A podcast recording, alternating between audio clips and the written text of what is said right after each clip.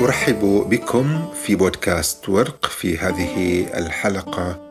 نتحدث عن كتاب رواية الحديث بتاء التأنيث للباحثة الأكاديمية التونسية الدكتورة هاجر منصوري. في هذا الكتاب تحاول الدكتورة هاجر أن تتعرف على حضور المرأة والنساء في علم الحديث في رواية الحديث في دراية الحديث. علم الحديث هو من العلوم المهمة جدا في التراث الإسلامي وهو يسمى علم الرجال. وعند هذا المصطلح تقف طويلا الدكتوره هاجر تتساءل هل المقصود بالرجال هنا هم الذكور هم الرجال مقابل النساء؟ أم أن الرجولة يقصد بها هنا شيء آخر؟ هي تذهب إلى أن الرجولة هنا لا تدل في علم الرجال على جنس الرجل المقابل للمرأة. الرجال هنا بمعنى التحمل بمعنى الشرف بمعنى الدقة بمعنى الذكاء. الرجولة هنا هي مجمع صفات قد تتوافر في المرأة وقد تتوافر أيضا في الرجل الذكر. فهي تشمل الاثنين علم الرجال أي العلم الذي يكون فيه الإنسان الشخص ذكرا أو أنثى يكون قادرا على تحمل الحديث. ومصطلح التحمل بمعنى هنا أنه يحمل لأن الحديث مروي عن النبي فبالتالي هو يمثل رسالة ثقيلة تحتاج إلى رجولة تحتاج إلى أخلاق إلى صدق إلى ثقة إلى حافظة إلى طاقة كبيرة لكي تكون مؤهلا لحمله. فهذه القدرة وهذه الطاقة على التحمل كانت تتوافر في النساء وتتوافر أيضا في الرجال والتحمل هو واحد من الشروط المهمة في علم الإسناد وعلم الحديث بمعنى لكي يسند لك الحديث لكي تكون صاحب مسند قوي. في رواية الحديث لابد أن تتصف بصفات الرجولة وليس الذكورة. وهنا نتذكر مقولة أو حديث رويت عن الزهري. الزهري هو يعتبر من أكابر المحدثين ويسمى أيضا مجمع بمعنى أن يتفرع من خلاله المحدثون. هذا الزهري يروى عنه أنه قال لا يطلب الحديث من الرجال إلا ذكرانها. ولا يزهد فيه إلا إناثها. هذا المقولة التي تفند الراويه أو تفند الباحثه أن يكون مسندا إلى الزهري إنما هو كما تقول مختلقا. هنا الرجال هم ذكران ومن يطلب الحديث هو يكون من الرجال وليس من الإناث. وهذا الحديث أيضا مروي بطريقة أخرى. يقول الحديث ذكر يحبه ذكور الرجال ويكرهه مؤنثوهم. هنا أيضا هذا الحديث على الرغم من أن الكاتبه والباحثة ترفض هذا الحديث وتعتبره أنه مختلقا. هذا الحديث المروي بصيغتين يجعل هناك فرقا جندريا فرقا بين الذكور والإناث.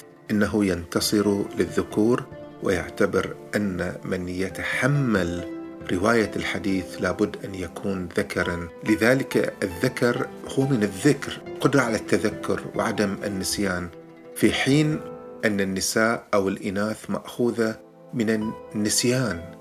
نساء أي نسيان أنهم لا يتحملون أنهم لا يقدرون على حمل هذا الحديث. الباحثة تسير عكس هذا الحديث المروي وتذهب إلى مدونة صحيح مسلم وصحيح البخاري باعتبار أن هذين الكتابين يشكلان المدونة الصحيحة والمسلم بها عند المذهب السني الذي يجد أن كتاب صحيح مسلم وكتاب صحيح البخاري يعني أصح شيء في الأمة فبالتالي الإسناد ما يحمله هذان الكتابان وما يتحمله رواة أحاديث هذين الكتابين يمثل أصح شيء فهي ذهبت إلى الكتابين لكي تتساءل كيف تحضر الأنثى. ساردة راوية مشكلة إلى السند تتساءل عن ذلك فتجد أن المرأة لها حضور قوي في صحيح مسلم وفي صحيح كذلك البخاري. ولكن هذا الحضور أين يكمن؟ ما المناطق التي شغلها؟ ما حجم الروايات التي رويت على ألسنة النساء المرأة المحدثة المرأة التي تقول الحديث عن النبي كيف تحضر في حديث وفي صحيح مسلم وصحيح البخاري. دعونا نلاحظ هنا أن كتاب البخاري وكتاب مسلم تم تأليفهم في القرن الثالث الهجري. يعني هناك 200 سنة وأكثر من عصر النبي. فكيف لمسلم وكيف للبخاري أن يكتب الروايات الصحيحة؟ كيف عمل على تصحيح الروايات واختيار ما صح عن النبي؟ إنهم يقومون بعملية الإسناد. هنا الإسناد يعني أن تروي عن شخص عن شخص عن شخص عن شخص وصولا إلى النبي. هذه الرواية حين تتأكد من أن رجالها ثقات وأن هؤلاء الرجال موثوقون في ذاكرتهم وفي أمانتهم فأنت تستطيع أن تصحح الحديث. لذلك هو صحيح مسلم صحيح البخاري. يعني هم يأخذون ما صح من هذه الأحاديث. المرأة هنا موقعها في الصحيحين هو الموقع الأول. أين الموقع الأول؟ في زمن النبي. الرواية لابد حين تروى تسند ليصل فيها الإسناد ليصل فيها الرواة إلى زمن النبي. تقول الباحثة أن الرواية كلما أو أن الراوي الذي يحدث الذي يقول رويت عن فلان عن فلان عن فلان تقول أن هذا الراوي يكون أنثى كلما اقترب من زمن النبي. هناك مصطلح عند علماء الحديث يسمى أعالي الإسناد أو الإسناد العالي.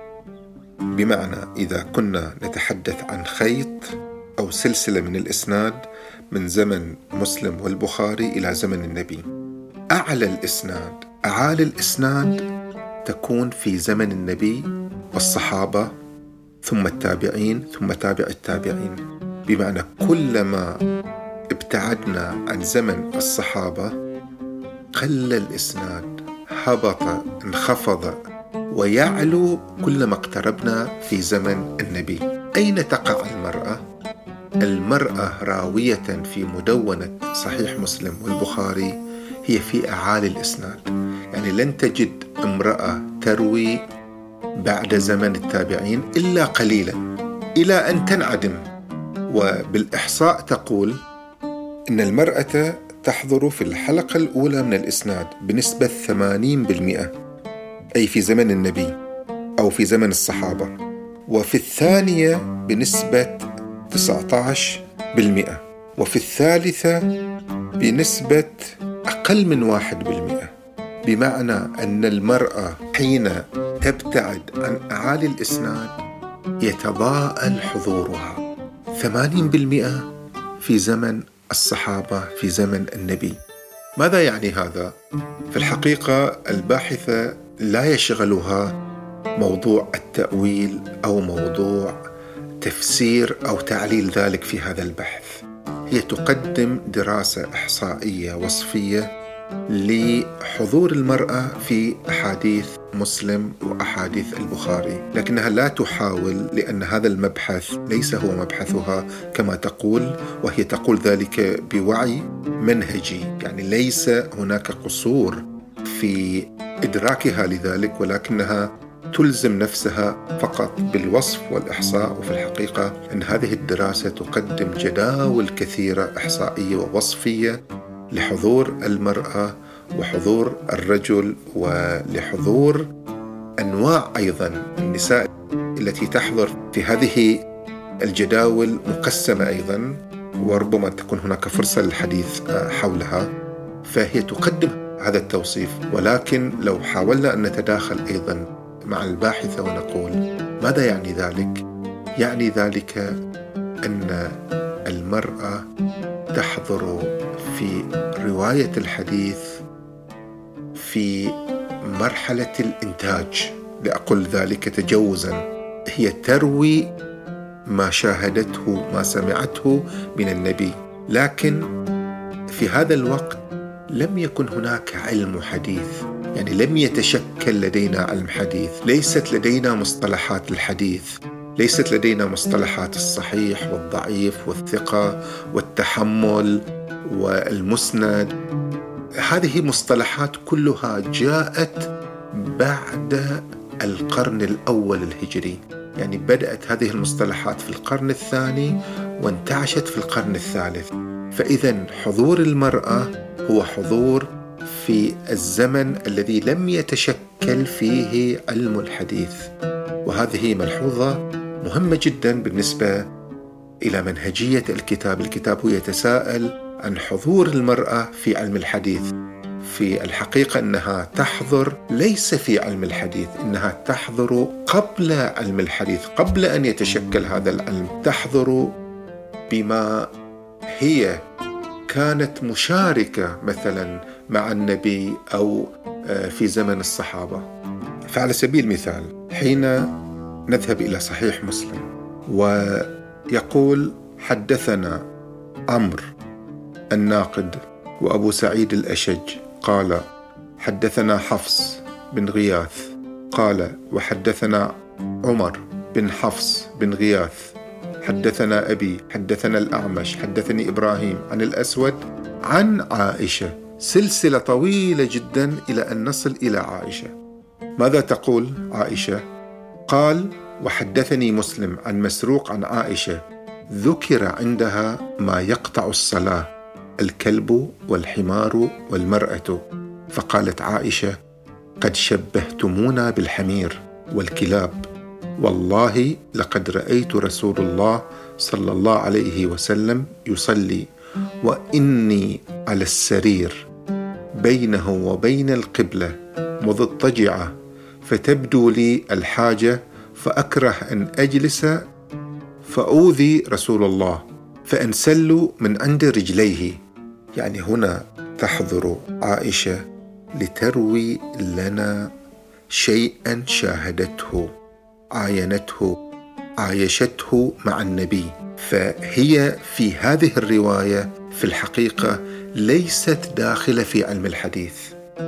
يعني هنا هي في مرحلة قبل تشكل علم الحديث. هي لا تستوثق هنا من حديث ومن آه، رواة إنما هي تروي ما شاهدته لذلك هي لا نستطيع أن نقول أنها ضمن تشكل علم الحديث. في مرحلة تشكل علم الحديث لم تكن هناك نساء لم تكن هناك إناث بل لم يكن هناك إناث تروي في هذه المرحلة. فليس لدينا محدثات وضعنا مساند حديث وضعنا صحاح حديث. لا يوجد هذا الشيء. التساؤل الذي تطرحه الكاتبة عن حضور النساء في علم الحديث أجد أنه يحتاج إلى إعادة قراءة مرة أخرى.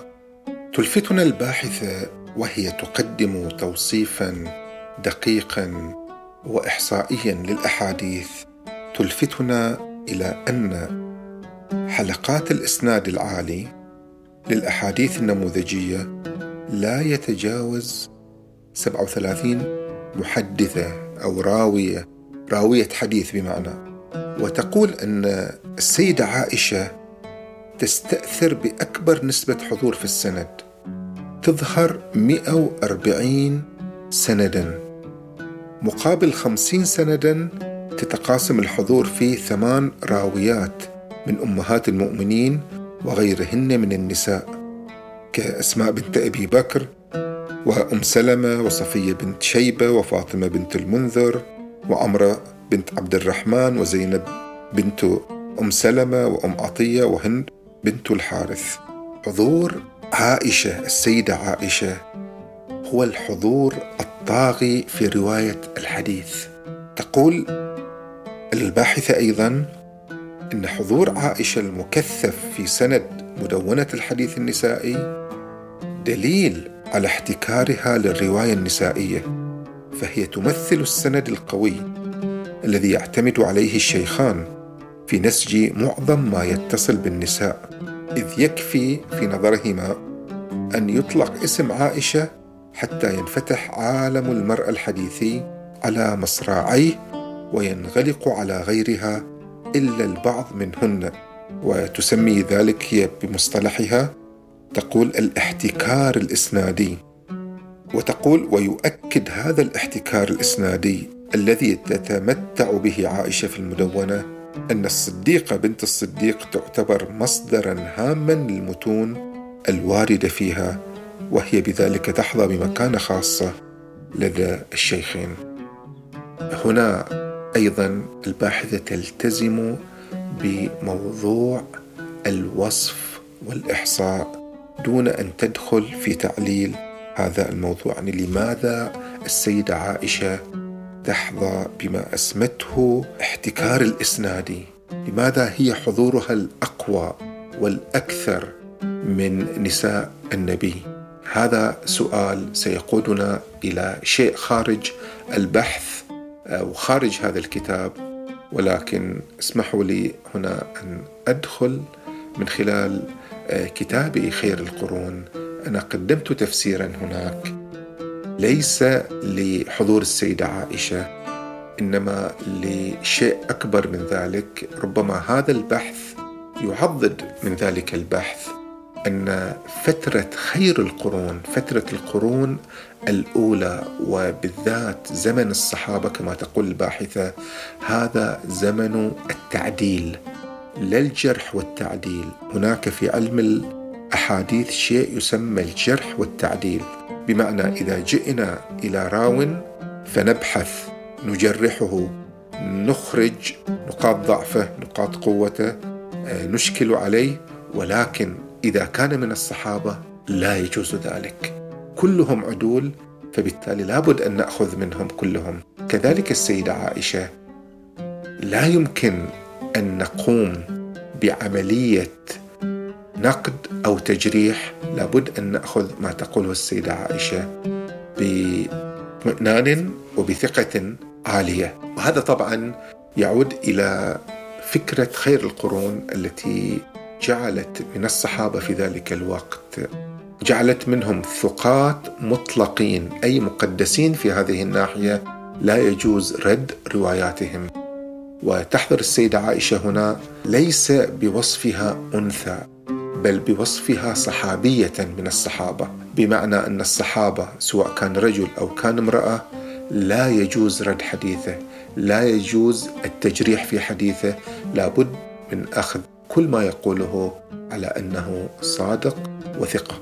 كذلك في البحث التوصيفي الإحصائي الذي تقدمه تقول أن مرويات السيدة عائشة لا تتجاوز النساء فقط بل تتجاوز أيضا الرجال. كابن عباس مثلا ابن عباس لديه 1660 حديثا في حين أن مجموع أحاديث السيدة عائشة يبلغ 2210 حديثا في صحيح طبعا مسلم والبخاري.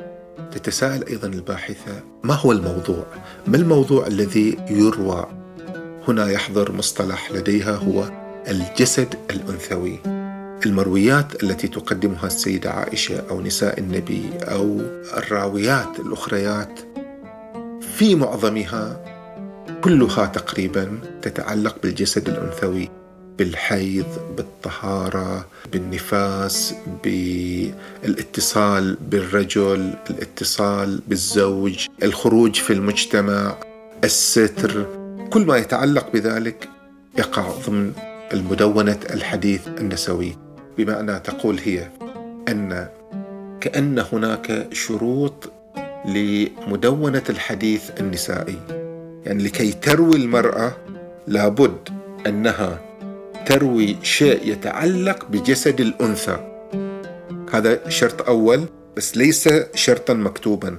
هذا شرط ضمني نستنتجه من خلال قراءة هذه المدونة ومن خلال ما قامت به الدكتورة هاجر المنصوري. من خلال ذلك نستنتج أن الشرط الأول هو أن يكون المروي يتعلق بالجسد الأنثوي والأمر الآخر أن تكون الراوية هي السيدة عائشة لأن كل ما يتعلق بحضور المرأة كان يتعلق بالسيدة عائشة ويتعلق بالحضور الأنثوي. هكذا إذا كان حضور تاء التأنيث في مدونة الحديث حضور اقترن بجسد المرأة بالجسد الأنثوي وحضور اقتصر تقريبا على السيدة عائشة وكأن الرواية بتاء التأنيث هي الرواية بتاء السيدة عائشة لا غيرها. وهذا طبعا مثار لسؤال لماذا تاء السيدة عائشة كانت تروي وغيرها من التاءات لم تكن تروي؟ هذا سؤال لا نريد أن نحمل هذه الدراسة الرائدة في الإجابة عليه ولكن ممكن تاسيسا على هذا التوصيف الدقيق الذي قدمته الباحثة أن نفتح جوابا على هذا السؤال. شكرا لكم.